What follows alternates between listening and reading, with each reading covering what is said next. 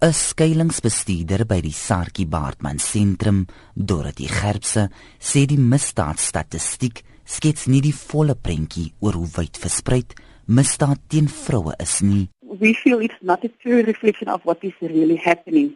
Of course, we do understand that this stat is based on cases that have been reported.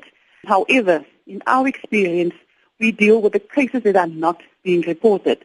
So we do see an increase in gender-based violence and we do see an increase in sexual offences reporting to the centre. Gerbse sê die polisie moet kategorieë vir geslagsverwante geweld en huishoudelike geweld skep sodat die statistiek meer akkuraat is. When we look at the stats in the East of the categories for this, it seems that it's not seen as a serious offence because there's no category. However, the, the women that are being violated, even the children that are being violated through domestic violence, are the vulnerable people in our society.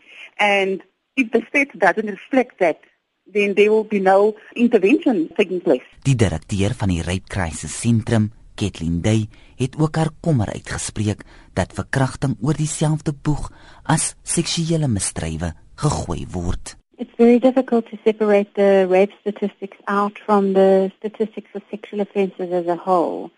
And to look at rape as a separate category, you might see that it's gone up and not down. But there's no way of knowing that in the current format in which the statistics are presented to the public when it comes to reducing the incidence of rape in South Africa. We need those statistics to be a great deal more specific. And the South African Police Service is in a process of doing that.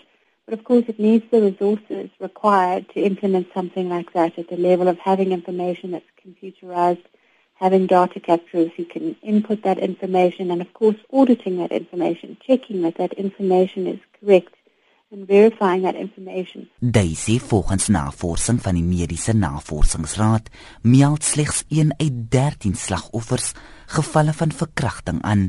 Sy sê daar is verskeie redes hiervoor. Some of them lie within the rape survivor themselves. They have their own personal reasons for not coming forward to report rape. Maybe that it's too traumatic for them.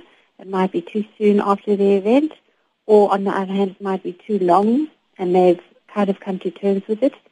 They could live a very long distance away from a police station and it could be very inaccessible to them. Other reasons lie in the feeling of stigma from communities. They say die victimisering deur polisie is 'n groot probleem. Some instances rape survivors have been very insensitively treated by officials and that's a very off-putting prospect to an official who is going to be disinterested, who is not going to take your case seriously, You may even turn you away at the desk because you're inebriated. And of course, for people that are vulnerable to prejudices of other kinds, for example, men coming forward to report rape would find it very difficult. Some of them fear that the police will laugh at them when they come and present a rape case at the charge office. Plus, members of the lesbian and gay community, people that are transgendered or intersex, who face discrimination in ordinary everyday life, would be even doubly aware of facing that kind of discrimination within the criminal justice system. Dit was Kathleen Day van die Rape Crisis Sentrum, Jean Estreisen, SABC nuus.